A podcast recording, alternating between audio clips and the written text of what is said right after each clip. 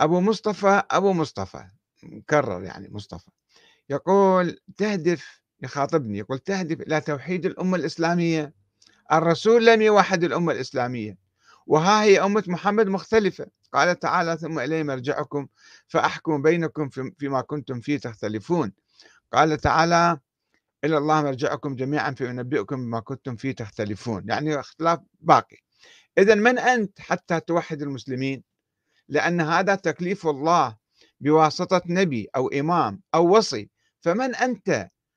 آه، لك تدعي هذا الإدعاء الخطير جاي توحد الأمة الإسلامية. ما يصير هذا جريمة كبرى هذه. هل بارئ بارئك واجتهاداتك؟ هل برأيك؟ كتابة خطأ شوية. هل برأيك واجتهاداتك؟ فالرأي والاجتهاد باطل عند الرسول وآل البيت لأن الله لم يجزه.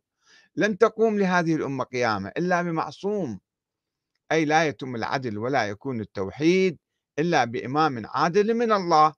قال الإمام علي عليه السلام لينزعن عنكم قضاة السوء وليعزلن عنكم أمراء الجور ويطهرن الأرض من كل غاش وليعملن بالعدل. بحار الأنوار جزء 51 صفحة 120 هسه بحار الأنوار يعني كأنه صار هذا قرآن منزل. وهاي الفكرة يعني إحنا ما نقدر نسوي أي شيء. الله يأمرنا يقول واعتصموا بحبل الله جميعا ولا تفرقوا. لازم نترك القرآن وننتظر فد واحد مجهول وهم غير مولود وغير موجود حتى يجي بعدين يوحدنا بعد ملايين السنين. شنو هالمنطق يا أخي العزيز؟ يا أبو مصطفى شوي فكر فيه.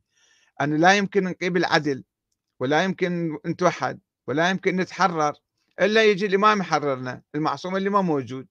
طيب نقعد شو نسوي؟ نتعارك يعني؟ واحد يضرب الثاني واحد يقتل الآخر واحد يسب الثاني يشتم الآخر. هل أمرنا الله بذلك؟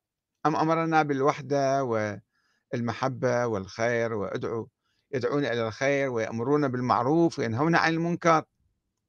شوف المنطق عجيب غريب هذا. وبعدين من تتكلم يقول لك أنت منو؟ ليش جاي تسوي العمل هذا؟ مو أنا أنت لازم تعمل بهذا الموضوع.